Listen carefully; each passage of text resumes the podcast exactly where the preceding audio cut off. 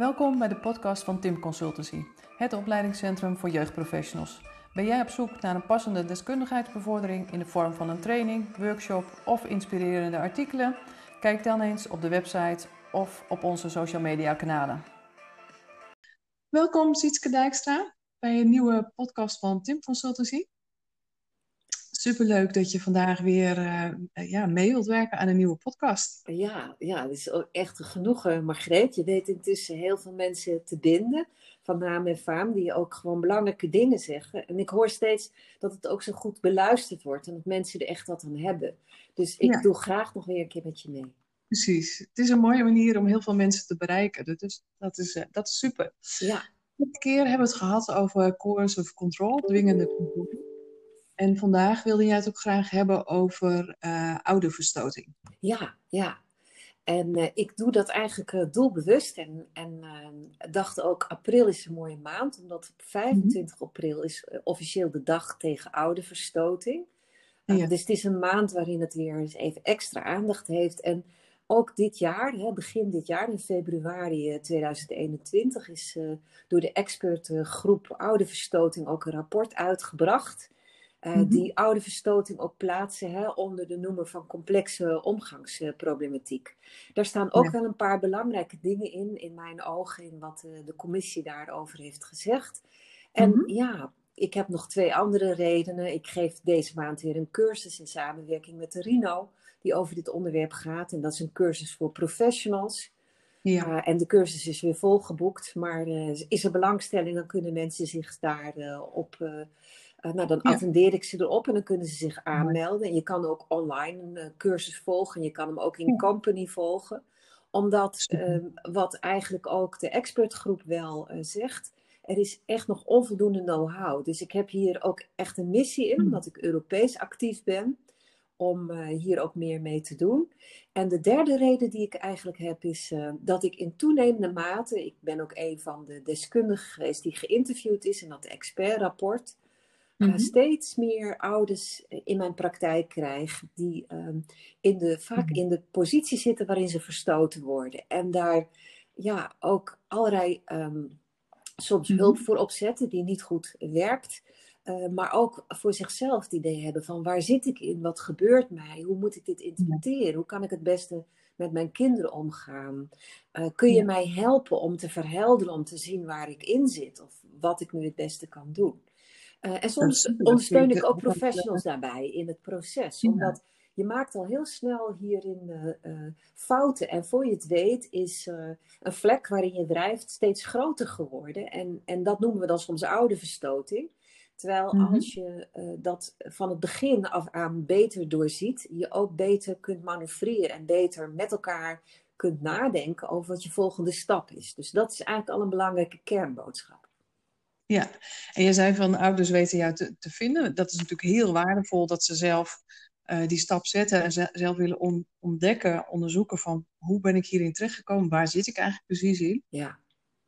Dat is mooi. Ja. En je zegt van nou, het is eigenlijk wel mijn missie om hier meer aandacht aan uh, te geven, maar ook om de kennis van professionals te vergroten. Ja, ja zeker. Kijk, uh, ik denk dat uh, ik zelf ook, hè, um, destijds toen ik bij vrouwenstudies werkte, uh, weet ik nog wel dat we soms ook wel uh, iets zeiden over die mannen die zich dwaze vaders noemden, die op de uh, rand van een gebouw gingen staan, een cape om hadden en zeiden: Als ik mijn kinderen niet meer kan zien, heeft het leven voor mij niet meer zin.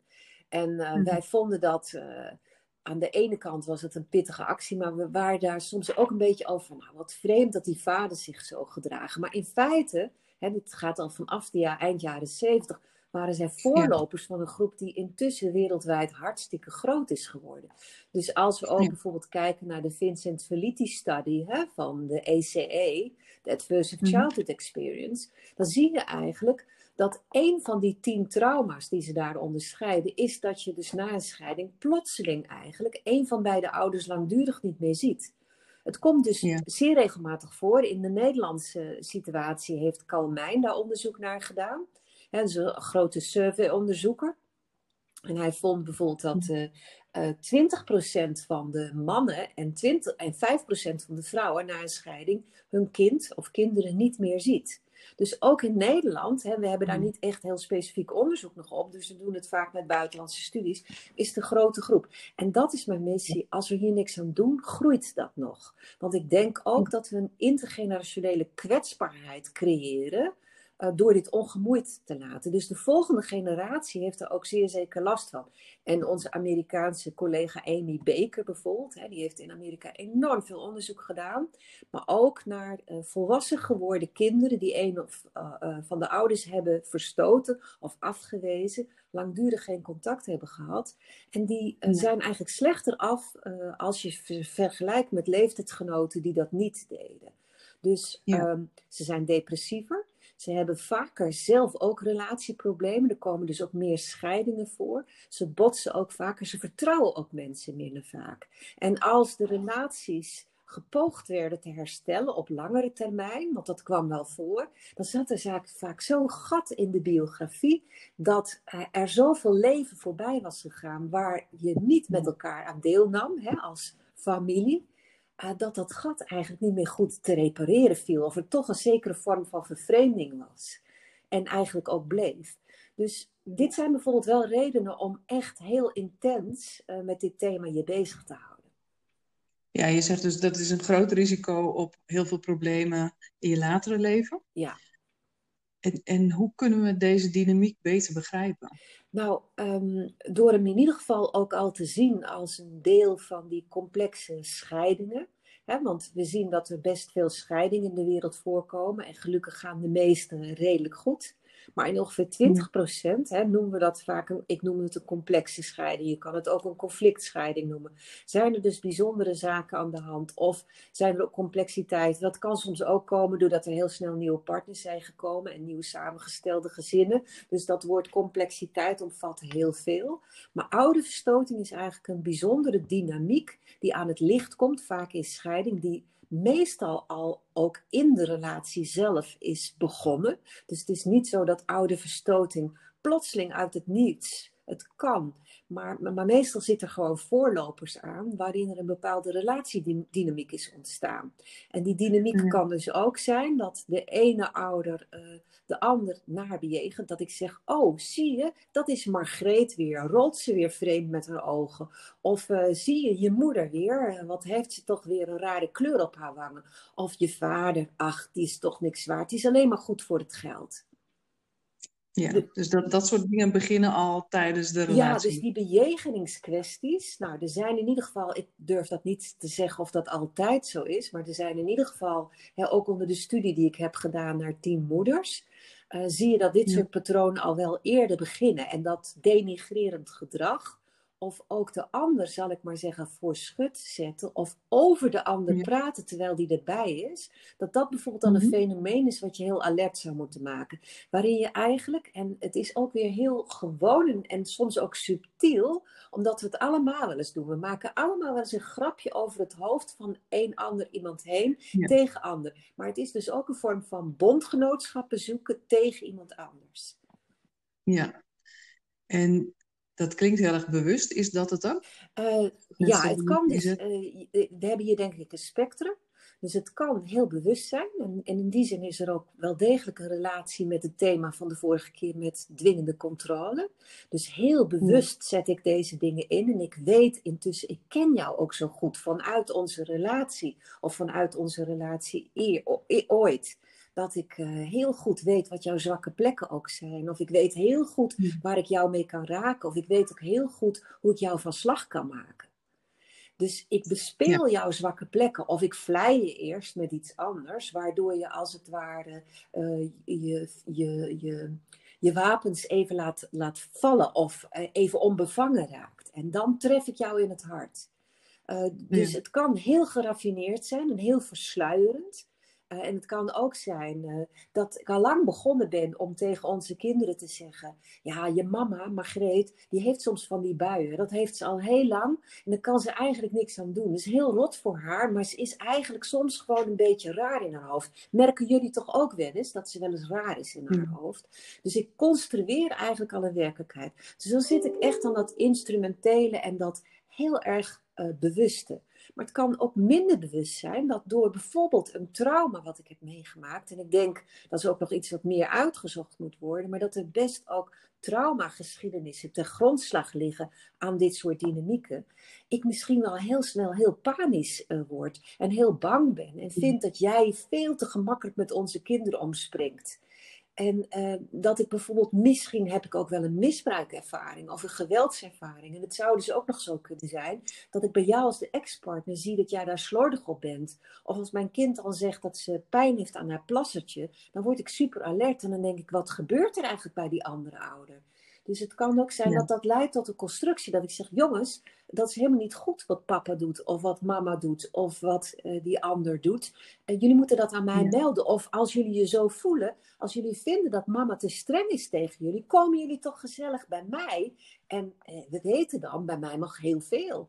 En ik ben helemaal niet streng. En ik zal ze helemaal niet terechtwijzen. En ze krijgen misschien ook nog een grotere kamer. Dus voor je het weet, uh, ben je dan eigenlijk ook in dat spel, en dan zit je misschien ergens in die middengroep, aan het spelen geraakt met ook een soort gevoel dat je graag de beste ouder wilt zijn. En dat is eigenlijk ook een heel slecht spel om te mhm. spelen. Hoewel, denk ik, de ene persoon en de ene ex-partner misschien al meer talent nog heeft voor ouderschap dan de ander, ben je allebei ouders en is dat ook gelijkwaardig in het verschil. En dat komt heel erg in het gedrang bij ouderverstoting.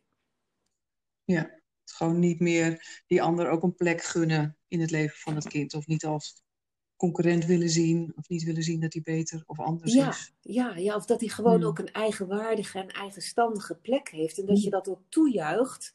Uh, dat je kinderen dat mhm. ook ervaren. En ze mogen ook best die verschillen ervaren. Maar die verschillen zijn dan niet problematisch. Nee, nee. En je zegt van dan zit je een beetje in het midden. Dus je hebt de doelgroep die dat eigenlijk al binnen de relatie uh, inzet. Een andere groep vanuit trauma of triggers, dat dat aangewakkerd ja, wordt. Ja, en dat, dat kan ook de symbiose nog eens aanwakkeren. Hè? Dat ik zo voor mijn kind ga staan. Dus dat ik ook geloof dat er echt iets met mijn kind gebeurd is. Want wat je natuurlijk wel ziet, is dat in de oude verstoting er ook vaak uh, beschuldigingen komen van seksueel misbruik, zeker naar vaders toe veel minder vaak naar moeders. Maar de andere kaarten worden ook naar moeders gespeeld uh, van mishandelingen, van verwaarlozing. Dus, um, ja. en, en dat soms ook men heel erg overtuigd is van die beschuldigingen. Maar die beschuldigingen kunnen ook constructies zijn. En dat maakt het juist zo ingewikkeld um, om, ja. om vast te stellen. Dus het is echt iets wat eigenlijk uh, ons beste kunnen vereist. Terwijl we nu in de praktijk uh, eigenlijk vaak een beetje voortdobberen en dan denken, oh jee, oh jee, het is geloof ik helemaal foute boel. En als de kinderen eenmaal zeggen, wij gaan niet meer naar onze moeder of naar onze vader toe, of onze vader heeft nooit zoveel voor ons betekend, we hoeven hem ook helemaal niet meer te zien. Of uh, hulpverleners, als jullie zo duwen en zeggen dat we toch onze moeder moeten zien, dan gaan we klacht indienen, want jullie luisteren niet goed naar ons. Ja, dan zijn we eigenlijk al met elkaar in die fuik beland. En eenmaal in de fuik gezwommen, het is net als een vis met kieuwen, dan zit je eigenlijk een beetje vast. Dus we moeten eigenlijk voor die fuik zijn. Ja, want anders dan uh, terugzwemmen lukt niet. Nee, nee, nee. Of, of je gaat in dat net misschien wel duwen. En misschien zwem je dan nog dieper de fuik in. En bijvoorbeeld ouders die dus in de klem komen te zitten. En ook knel komen te zitten. En die het gevoel hebben, ik verlies mijn kind. Ik zie mijn kind nog wel, maar ik maak geen contact meer met mijn kind. Mijn kind wijst me af. Mijn kind is hooghartig geworden. Mijn kind zit alleen maar op de mhm. kamer als het bij me is. Eh, de tijden dat ik mijn kind zie, die worden steeds beperkter, omdat er steeds iets anders is. Ja, die ouders voelen zich in paniek en zij maken ook een deel van deze fuik, doordat ze dan dus soms denken, ik moet strenger zijn, of ik ga zeggen waar het op staat, of ik weet niet meer wat ik moet doen, dan geef ik maar toe. En dat is dus ook een reden om ouders te coachen, want kom je eenmaal zo in de verdrukking, dan heb je wel degelijk een, een, een roer nodig of stuur nodig, maar vaak ben je in de war. Je weet niet meer goed waar je goed aan doet en je wordt onzeker. Ja, dus je zegt eigenlijk zijn er meerdere taken van uh, kunnen we ervoor zijn? Kunnen we het voorkomen dat dit gaat gebeuren? En we hebben natuurlijk ook te maken met een doelgroep die er middenin zit. We moeten kijken van hey, hoe herkennen we dat dan? Hoe maken we goed onderscheid tussen wanneer speelt dit of wanneer speelt daadwerkelijk misbruik of mishandeling. En er zit eigenlijk nog een stapje tussen, Margreet. En dat is eigenlijk dat we het in een vroegtijdig stadium herkennen. En bijvoorbeeld iemand als mhm. Erna Jansen van de Familieacademie houdt zich ook al een aantal jaren met dit onderwerp bezig. En uh, onderzoekt ook, hè, ze is een systemisch maatschappelijk werker. Zij heeft bijvoorbeeld ook wel prachtige leaflets voor school gemaakt. Omdat, dat zie je eigenlijk bij oude verstoting ook. Het is heel gemakkelijk als we meezwemmen met de stroom of we geven een beetje mee met de stroom, dan gaan we dus mee met het dominante patroon. En dat is in zaken van oude verstoting nu juist heel gevaarlijk, want meegaan met die stroom betekent dat het dan nog heel snel nog verder kan escaleren. Dus, dus eigenlijk is bij mhm. oude verstoting ook een zaak, hoe komen we op het moment om dat te keren of te stoppen of dat te zien? En in de literatuur mhm. noemen we dat dat het ook iets tegenintuïtiefs heeft. Dus je moet eigenlijk dat verschil in macht of dat verschil dat kinderen ervaren van mijn moeder is alles en mijn vader is hm. gewoon eigenlijk niks meer in mijn ogen. En heeft vroeger ook nooit iets voor mij betekend, dus ik doe het verleden ook nog af als niks. Dat moeten we zien te mhm. onderzoeken of te keren. En dan moeten we ook oplettend en nieuwsgierig zijn. En vervolgvragen gaan stellen, maar ook proberen te herframen. Uh, dus je zou kunnen zeggen: hé, mhm. hey, het valt me op dat je heel fijne dingen van je moeder zegt. En dat jullie het heel goed hebben met elkaar. En dat je je vader eigenlijk, uh, dat je lelijke dingen van hem zegt of, of hem eigenlijk niet zo mag. Nou is het zo, hè? de ene ouder en de andere ouder. Ja, je kan soms wel eens uh, ook, ook je moeder juist leuk vinden om bepaalde redenen, je vader minder leuk. Maar iedere ouder heeft goede en slechte eigenschappen. Kan je ook een goede eigenschap van je vader noemen. Dus dat je dat gaat um, ja, uh, uitvragen, zodat je eigenlijk ook dat probeert te normaliseren. Scholen kunnen heel vaak meegaan, omdat ook die ene ouder die dominant is, heel vaak zegt: Ik heb het gezag. En soms is ook de andere ouder uit het gezag gezet. Maar in de meeste oude verstotingszaken is dat nooit gebeurd. Dus er ligt vaak een ouderschapsplan onder met een co-ouderschapsregeling. Die niet meer wordt nageleefd. Hè? Daar is natuurlijk ook veel meer publiciteit over gekomen de laatste tijd. Maar als scholen bijvoorbeeld heel hmm. makkelijk meegaan in het feit dat er maar één ouder is en die andere ouder is buiten boord of buiten zicht en die benaderen ze ook niet, ja, dan, dan, ga je, dan ga je eigenlijk mee met het dominante patroon. Hetzelfde geldt voor wat huisartsen hmm. kunnen doen of jeugdartsen. Uh, leerkrachten. Hmm. Dus we moeten eigenlijk ook als professionals hier heel alert op zijn. En ook veel vaak, vaker navragen of nazoeken. Of vragen of dat je het na kan zoeken of die ouder inderdaad daadwerkelijk alleen het gezag heeft. En dan nog heeft de andere ouder het recht om zich geïnformeerd te weten, bijvoorbeeld ook door de school.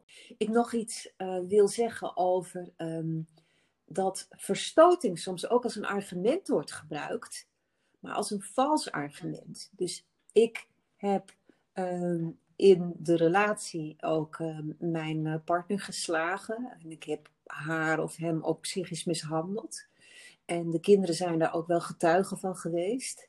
Uh, misschien heb ik ook wel uh, de kinderen mishandeld. Um, we zijn uit elkaar. Ik zie de kinderen niet. En ik ga eigenlijk um, mij gedragen, zou je kunnen zeggen, als een, als een uh, schaap in wolfs, of een wolf in schaapskleren. Ik ga eigenlijk zeggen, ik ben een slachtoffer mhm. geworden. want moet je kijken, sinds de scheiding heb ik niet meer de kinderen gezien. En, en dat wil ik helemaal niet. Dus ik stel mij voor alsof ik verstoten ben. Maar wat eronder ligt is een mishandelingsgeschiedenis. En dat zie je ook in de vier kenmerken die uh, Amy Baker bijvoorbeeld heeft opgesteld. Dit moet je altijd van elkaar onderscheiden. En in de literatuur noemen we dit dan het verschil tussen alienation, dus vervreemding, uh, en ja. estrangements. Dus dat is ook vervreemding, maar dat is vervreemding op basis van, een, uh, van realiteit. Dus van gebeurtenissen die echt hebben plaatsgehad. Ja, precies. Dus daar, daar goed naar op zoek en kijken van, uh, van hoe het ziet. Ja, ja, dus dat is heel belangrijk om uit te zoeken. En om dat argument dat iemand dus noemt, ook niet zomaar voor zoete koek te slikken, maar daar ook naar voorbeelden te vragen. Dus dat moet mhm. concreet en specifiek kunnen zijn. En daar moeten voorbeelden onder liggen.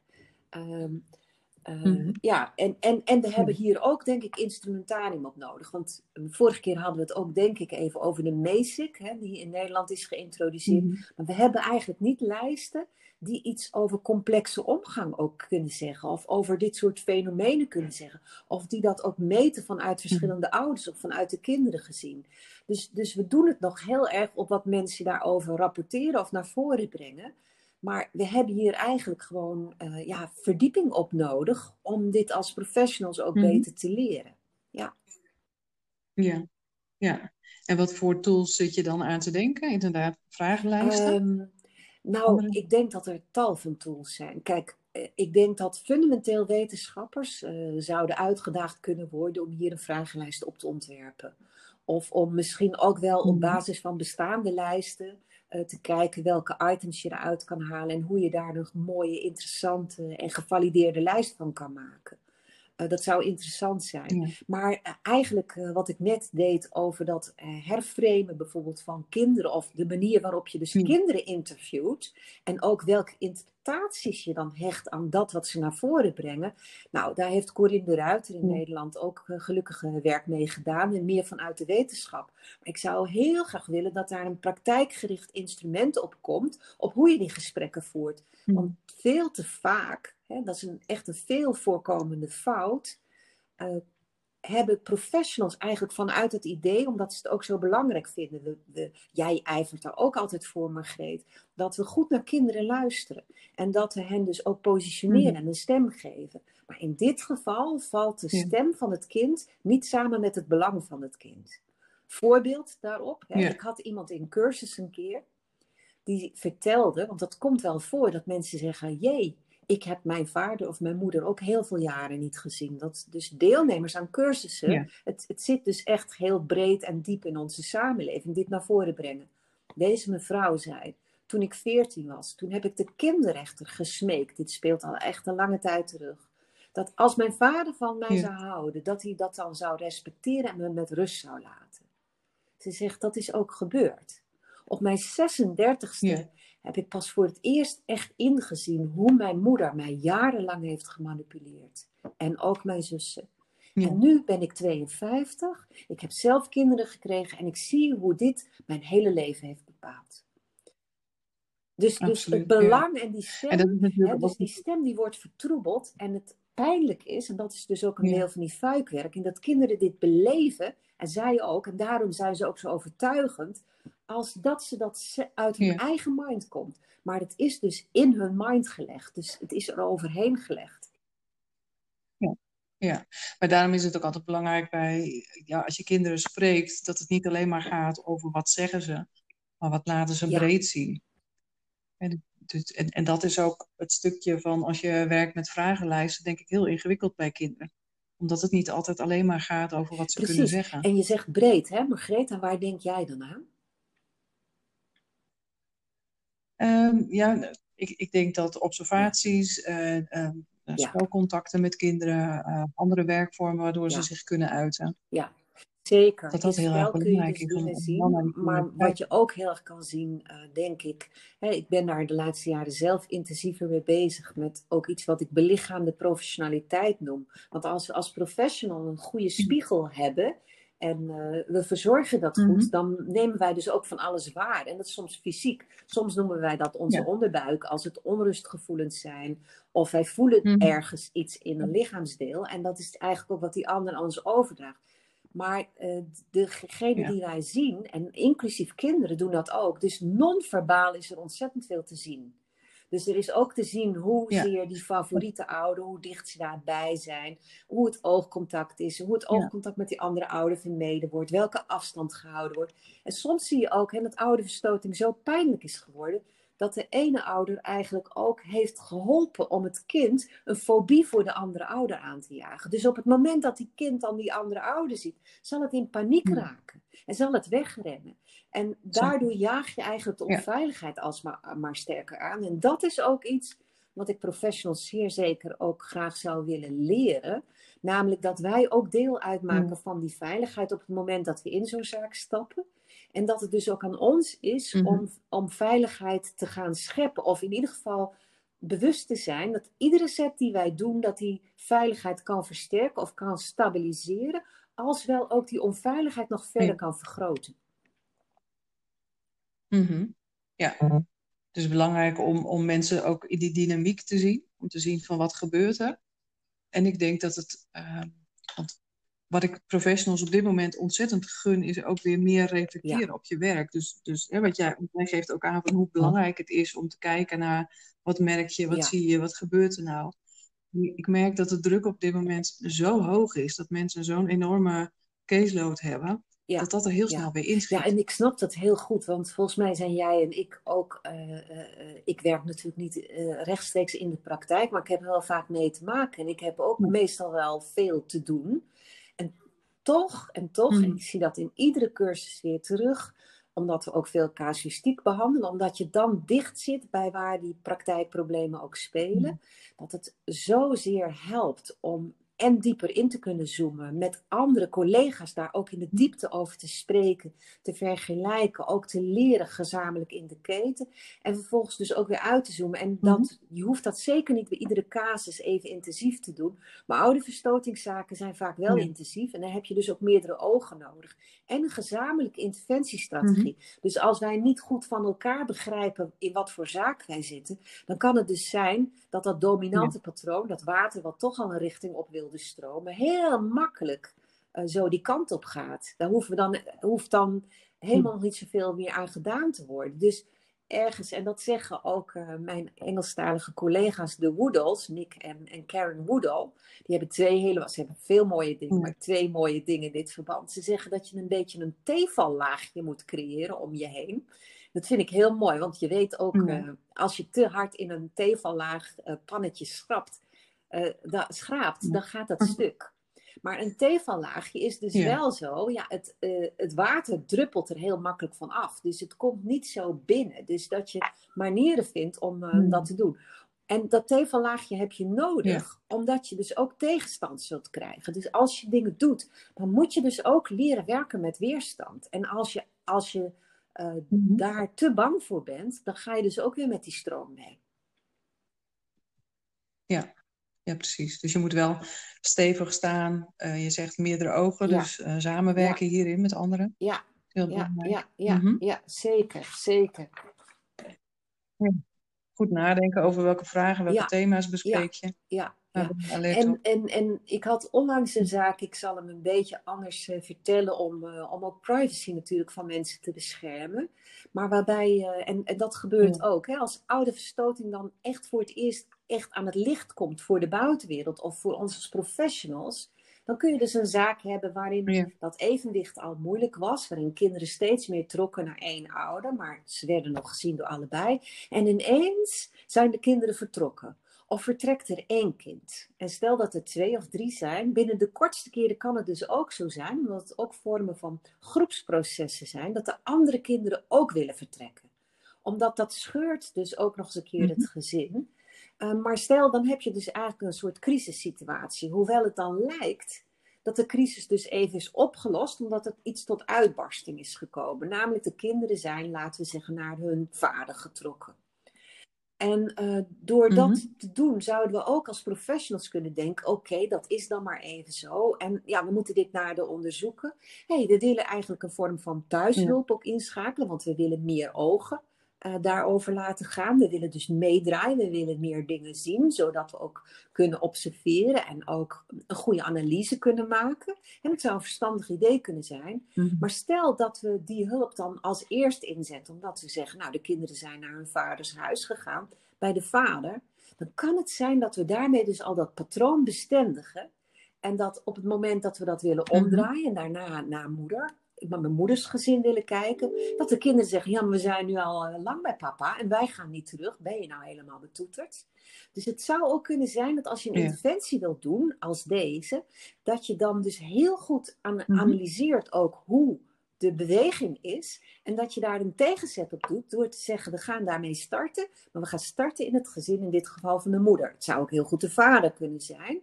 Omdat, we, omdat je dus daarmee iets aan dat machtsevenwicht gaat herschikken en eigenlijk ook andere ogen introduceert die mee gaan kijken. Dus zo kan je die dynamiek ook openen. Ja. Precies, en dan kun je de ouder helpen met reageren ook op het gedrag van het kind. Ja. Ja. Maar je kunt misschien ook iets van de ernst vaststellen. Hè? Dus je kan ook zien, kijk, de, de, dat gebruik ik ook in mijn cursus. Ik gebruik eh, het, het model wat de Woodalls hebben gemaakt. Dat is een vier factoren model. En dat zegt uh, dat uh, verstoting eigenlijk uh, vier verschillende facetten heeft. Het is afhankelijk van wat de ouder doet die mm -hmm. verstoot. Het is afhankelijk van de verstoten ja. ouder. Dus uh, je zou kunnen zeggen, word ik heel erg boos, uh, dan kan het zijn dat mijn kinderen nog verder van mij verwijderd raken. Het is afhankelijk van de veerkracht van het kind. Mm -hmm. Het ene kind is hier ook nog eens een keer bevattelijker voor dan het ander. Soms zien we ook dat het oudste kind als eerste getarget wordt, omdat de anderen dan volgen bijvoorbeeld. Um, en het is ook de wijdere ja. omgeving van het kind. En dat, uh, daar zijn we helaas intussen ook mee vertrouwd, dat soms grootouders hun kleinkind ook niet meer mogen zien.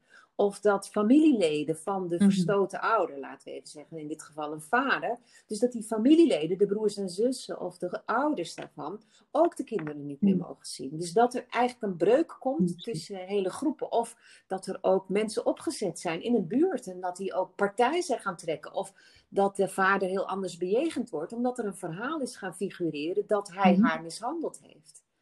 Wat, nooit, wat nooit is onderzocht, bijvoorbeeld. En, nee, precies. En, en, is dit iets wat je ziet bij, uh, op alle leeftijden bij kinderen? Of is dat een bepaalde leeftijd dat kinderen hier uh, Ja, dat is een hele mooie zijn? vraag, Margreet. Dat zou ook een prachtig onderwerp van studie zijn. Sowieso vind ik dat we hier eigenlijk data mm -hmm. over op moeten bouwen. Want ik doe het natuurlijk nu ook heel vaak nog op grond van praktijkervaring. En ik ben wel redelijk belezen ja. over dit thema. Um, en dit ontleen ik eigenlijk mm -hmm. ook onder andere weer aan de Woodalls.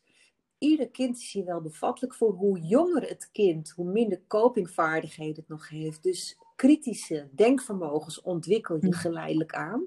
Maar deze 14-jarige die ik net al noemde, mm -hmm. die, die vrouw die dus toen als jong meisje zei, uh, die brief schreef aan de kinderrechter, die geloofde daar heilig in. Dus jonge kinderen worden hierdoor besmet, maar pubers zijn extra um, kwetsbaar. En waarom? Omdat iets in deze mm. dynamiek heel goed past bij het puberbrein. En het puberbrein wil experimenteren, mm. maar het is ook een fase van je losmaken en je ouders op een nieuwe manier gaan zien. Dus ze zijn niet meer zo heilig. Uh, je kunt misschien zelfs ik ja. dacht zelf op mijn zeventiende ook dat ik de wereld snapte. En nu denk ik, wat was ik waarschijnlijk toen arrogant? maar dat is wat een puber kan denken, toch? Ik snap nu hoe het in elkaar zit. Ja, ja. Dan kunnen we en een puber heeft dus ook behoefte ja. aan duidelijkheid. En duidelijkheid voor een puber kan ook zijn, iets is of zwart of wit. En dit past dus heel erg, want je zou kunnen ja. zeggen het overlevingsmechanisme wat hier getriggerd wordt, dat wordt splitting genoemd. En dat komt van Melanie Klein van oorsprong, een psychoanalytica ook. Um, en en dat, dat hebben driejarigen met name. Uh, in, in die fase, waarin iets of helemaal goed is of helemaal slecht. En eigenlijk zou je kunnen zeggen, komt dit primitieve mm -hmm. mechanisme weer kijken bij echt ernstige ouderverstoting. Dus de mind wordt helemaal in beslag genomen door ja. wat of helemaal goed is of helemaal slecht. Dus er worden eigenlijk twee soorten van gevoelens weggemaakt, namelijk dat iets uh, wat goed is, ook soms nog nare kanten kan hebben, of iets wat slecht is, soms ook daarnaast of daaronder best goede kanten heeft. Dus die nuance verdwijnt in dat brein. Mm. En pubers, het sluit heel goed bij hen aan. Dus die, die kunnen radicaliseren. Ja. En uh, ik noem dat het gezagsvacuum. Wat je eigenlijk ziet gebeuren als die machtsbalans tussen twee ouders heel ongelijk wordt is uh, dat die ouder in de verdrukking veel moeite heeft om nog gezag te houden. Dus ik heb een voorbeeld in mijn artikel, wat ik net opnieuw heb ingestuurd naar een internationaal tijdschrift, waarin een moeder tegen haar tienjarige zoon zegt, ja. gescheiden moeder, uh, het is bedtijd nu. En waarin haar zoon zegt, dat maak ik zelf wel uit, hoor. En, en dat betekent, het is bijna schokkend, ja, hè? maar het betekent dat hij dus eigenlijk op een troon is gaan zitten, maar ook niet accepteert dat zijn moeder iets tegen hem zegt wat goed voor hem zou zijn. En dat is een teken, hè, dit soort uitingen van het gezagsvacuum. Dus daarin kun je ook zien, en dat maakt natuurlijk het ook de situatie heel onveilig, um, dat als kinderen dan blijven, maar ze zijn niet meer voor reden vatbaar of aanspreekbaar, de situatie heel erg uit de hand kan lopen. En daar zijn ook wel voorbeelden van in die eindfase. Dat degene, de ouder in de buitenbaan ook wanhopig denkt, zo gaat het ook niet meer. Of dat kinderen eigenmachtig optreden en denken: mijn moeder die mij zegt wanneer ik eh, naar bed moet, of dat ik de vaatwasser uit moet ruimen, wat belachelijk. Ik ga naar mijn vader of naar mijn moeder, want mhm. daar heb ik dat probleem helemaal niet. dan kan ik precies doen wat ik zelf wil. Dus, dus sommige ouders die verstoten zijn ook heel erg vriendje met hun kinderen, of hebben de kinderen opgetrokken tot een soort mini-volwassenen, tot hun eigen niveau of zijn mhm. symbiotisch met ze, maar ze nemen niet zo makkelijk de oude positie in. En in die zin zou je kunnen zeggen, het werk van Van der Pas kunnen we hier heel goed gebruiken. Dus dat zou ook een hele interessante zijn om mhm. in je waarnemingen mee te nemen. Neemt deze ouder de oude positie in? En zo ja. hoe doet die ouder dat? Of zo nee, waarom denken we dat dat niet gebeurt? Ja, precies. Ja, oké, mooi.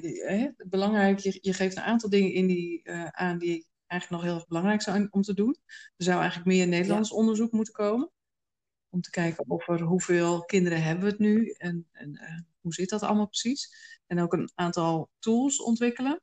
Manieren ontwikkelen waarop we dit makkelijker bespreekbaar kunnen maken deskundigen ja, ja, van professionals. Ja, en, en wat misschien ook mooi zou zijn, kijk, ehm, ik heb ehm, eh, Mark Tuitert, uh, die, die uh, ambassadeur is van Villa Pinedo, wel gevolgd. En dat vond ik ook mooi rondom complexe mhm. scheiding. Dus we hebben misschien ook nog wel volwassen rolmodellen nodig, die vertellen over hoe dat vroeger bij hen ging en hoe ze daar nu op terugkijken of wat dat in hun leven heeft betekend. Of ook, hè, mhm. we hebben eigenlijk ook verhalen van reparatie nodig of van reparatiemogelijkheden. Want als je ziet, hè, daar waar soms rechters toch durven uh, in te stappen en eigenlijk ook uh, zeggen, deze kinderen moeten een tijd lang uit huis bij deze dominante ouder, om dat hele oudere uh, verstoting te keren eigenlijk. Um, dat we eigenlijk niet goede gezinshuizen of behandelhuizen hebben of behandelmogelijkheden om dit te doen. Of um, we, we, leunen dan toch mhm. op Amerika en op Amerikaanse situaties. je hebt dan uh, Richard Warshak, die bijvoorbeeld uh, Family Bridges heeft ontworpen. Of de familietherapeut uh, Linda Gottlieb, die prachtige dingen doet met uh, met, met gezinsinterventies ook. Maar, maar we hebben veel meer kennis nodig van dat repareren ook en hoe je dat doet. Dus dat zou ook een hele mooie. Hè, dus, dus onderzoek vind ik nog steeds wel relevant. Maar niet alleen uh, uh, facts en figures, eigenlijk ook vragen how to do. Hoe kunnen we dit aanvatten? Of wat zouden we daarin kunnen doen? Welke tools zijn daarin nodig? Dus eigenlijk een soort scharnier tussen die praktijken en de theorie. Ja. ja, omdat ik denk dat het is natuurlijk ook super pijnlijk als je het wel gaat signaleren en gaat opmerken. En vervolgens als we daar geen antwoord mee eh, voor hebben. Want dan zien we dat het de kinderen enorm beschadigt. En de ouders natuurlijk ook. Voor hun is het natuurlijk ook super heftig. En we kunnen er nog niks mee. Dus dat, dat is ook weer ja, ja, ja voor het hele systeem ja. Maar ik denk wel dat dat bewustzijn aanscherpt. Je zou kunnen zeggen, deze maand is dus ook om dat bewustzijn toch weer even onder de aandacht van iedereen te brengen. En zo zie ik ook dat expertrapport, hè, waarin ook echt wordt gezegd, we hebben nog geen gemeenschappelijk oplossingsmodel. Dus dat we de urgentie gaan voelen dat zo'n mhm. gemeenschappelijk oplossingsmodel er wel moet komen en dat we moeten werken. We zouden hier eigenlijk gewoon een, een, een onderzoekspraktijkagenda op moeten hebben. Maar echt ook met, met die vragen van hoe mhm. doe je dat nou in de praktijk? Dus daar dicht ook bij te zijn voor een deel. Ehm, om, omdat we hier meer ervaring mee op moeten doen. En die doen we pas op. Het is ook echt hier ook weer een beetje Cruyffiaans. Als we het eenmaal gaan zien. Dus dat we uh, minder naïef hierin zijn en oplettender worden op dit punt. Ja, ja. Dat is super belangrijk. En je zegt dus ook met elkaar gaan uitwisselen van wat weten we hierover. Maar wat doen we hier ook al in? Wat, wat zijn eventuele succesvolle interventies geweest waarmee je het kunnen keren? En je zegt, het zou heel mooi zijn als er ja, meer rolmodellen omdat we dan ook meer maatschappelijk verhaal krijgen over wat dit is, wat dit betekent. En ook hoe je daar later anders naar kan kijken. Dus dat zou ook weer jongeren en kinderen in de situatie nu kunnen helpen. Of zou bij, bij die bewustwording ook kunnen helpen. En um, Uh, ik, ik denk wat je ook nog kan zeggen in het voorbeeld wat ik gaf hè, over uh, uh, als je de ogen van derde en van professionele derde wilt hebben in het gezin en je gaat daar observeren in tijden van crisis, waarin aan het licht komt dat de kinderen naar één ouder zijn getrokken, dat we ons ook moeten realiseren dat tijd, mhm. dus een wachtlijst, doet hier doet al, nooit deugd. Maar het doet in deze problematiek echt heel veel, richt het heel veel schade aan. Want voor je het weet, is het een situatie geworden die uh, ook soms door rechters wordt geduid als niet super wenselijk, maar wel een stabiele relatie. Uh, uh, of een stabiele verblijfplek. Of de kinderen mhm. zijn nu eenmaal naar die andere school gegaan. Of de kinderen wonen nu al een tijdje daar. En meestal gaan rechters daar dan in mee. Dus um, kinderen kunnen in hele korte tijd, en daar zijn wel heel veel voorbeelden van, door die splitting die ik net beschreef, enorm radicaliseren. Dus hoe eerder mhm. wij grenzen daaraan stellen, en bijvoorbeeld mijn uh, Amerikaanse collega's van de familiesysteemtherapie, die zeggen dan ook, je moet als de wiede weerga de generatiegrenzen gaan herstellen. Dus in een familie heb je generaties. Mhm. Je hebt de grootouders, je hebt de ouders en je hebt de kinderen. Maar als de kinderen op het niveau van de ouders gaan zitten en zij gaan één ouder naar beneden duwen en daarop kijken, uh, dan is dat eigenlijk heel erg kwalijk. Dus dat is eh, voor hem de eerste interventie die ze altijd toepassen. En daar zouden we ook van moeten willen kunnen leren. En we hebben wel van deze geweldige familiesysteemtherapeuten in de wereld. Waarom nodigen ze niet uit? Dan gaan we daar masterclasses over organiseren, zodat we leren hoe we dat kunnen doen als professionals. Ja. Ja. ja dat is super belangrijk. Dus daar hebben we nog een hele weg in te gaan en jij uh, draagt daar je steentje in bij. Dat is super waardevol. Um, afsluitend, uh, wat is nog een boodschap die je nog niet hebt kunnen noemen, die je heel ehm, belangrijk vindt? Nou, ik denk dat ik wel veel al uh, heb gezegd. Ja, misschien wel um, dat, dat, dat het een moeilijk veld is om ook in te werken, omdat er ook, en in de expertgroep hebben ze daar ook over, dat ouders zo diep teleurgesteld kunnen raken in wat hulpverlening voor hen betekend heeft, of kinderen ook.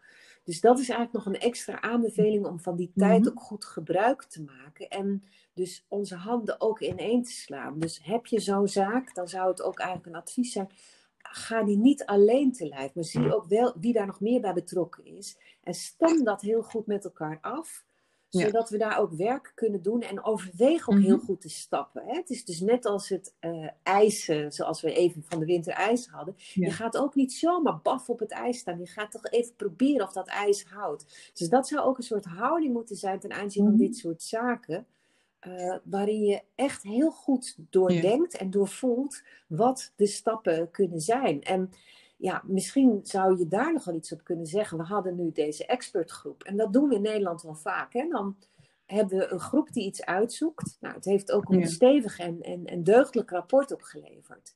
Maar nu zou er eigenlijk ook een zak geld bij moeten. Mhm. Want het betekent dat als we hier dingen mee willen doen, we willen niet de praktijk houden die we al hebben, dan hebben we hier een investering op nodig. En daar mhm. ontbreekt het heel vaak aan. Want ik zie te vaak professionals in de praktijk die zeggen: Ik zou wel willen en ik voel ook dat ik meer nodig heb. Maar we hebben daar in onze instelling geen middelen voor. En dat is eigenlijk iets dat we, als we echt hiermee aan de slag willen, dan moet er een budget zijn. Mhm. Ja, en dat is inderdaad met zoveel onderwerpen dat we, dat we professionals hebben die heel graag willen, maar niet de ruimte voelen of niet de ruimte kunnen nemen om dit te gaan doen om hiermee aan de slag te gaan, om dit door te ontwikkelen. En dan zou het zonde zijn als zo'n expertrapport weer aan de kant gelegd wordt en we doen dus er niks mee. En dan wordt ook zo'n rapport op een gegeven moment ritueel. Want dan hebben we wel iets wat we doen, maar we volgen niks op.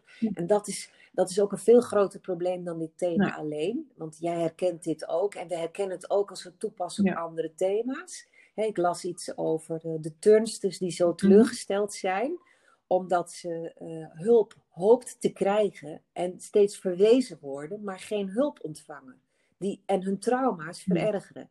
En, en dat is natuurlijk, en dit soort van, van mechanismen zien we vaker. Dus je zou kunnen zeggen, ook als we weer eens iets inrichten op dit vlak, dan zou daar ook echt een budget aan gekoppeld moeten zijn voor veranderdoelen. Want ik zie wel degelijk aanknopingspunten, maar het stuit veel te vaak, uh, ja, ketst het af op dat er geen middelen zouden zijn. Mm Ja, precies. Dus eigenlijk moet je bij dit soort projecten daar gelijk ruimte voor maken. Van als we dan een expertrapport hebben, hoe vertalen we dat naar de praktijk? Hoe zorgen we dat Ja, ja, mensen hier En, kennis kunnen en, en, nemen? en, en eh, zoals we dat soms eh, ook wel eens hebben gehad voor complexe scheiding, dat je dan dus ook mogelijkheid hebt om experimentele projecten aan te gaan. Nou, dit zou daar bijvoorbeeld heel geschikt voor kunnen zijn, ook voor het Mhm. ontwerpen van die tools bijvoorbeeld. Hè?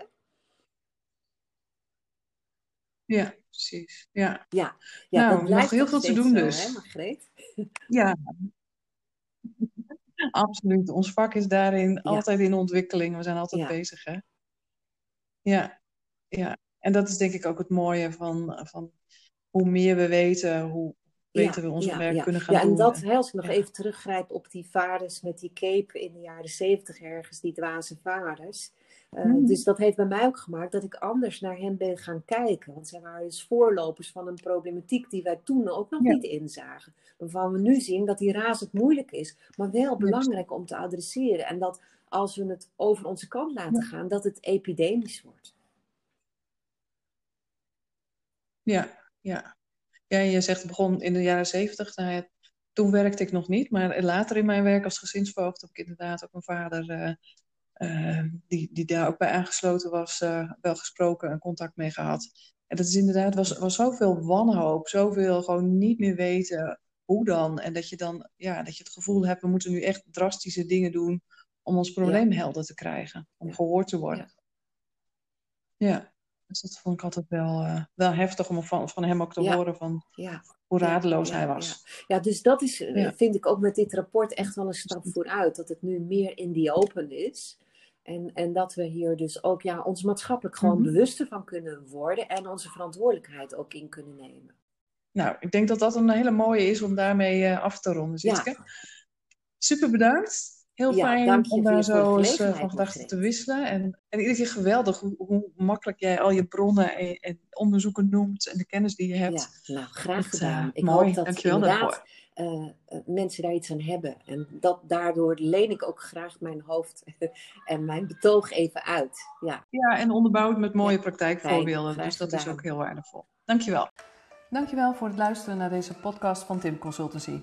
Hopelijk was het een waardevol gesprek voor je om naar te luisteren. Wil je meer weten over de onderwerpen die we in onze podcast bespreken?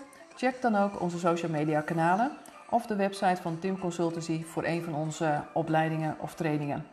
Heel graag tot een volgende keer en een fijne dag gewenst.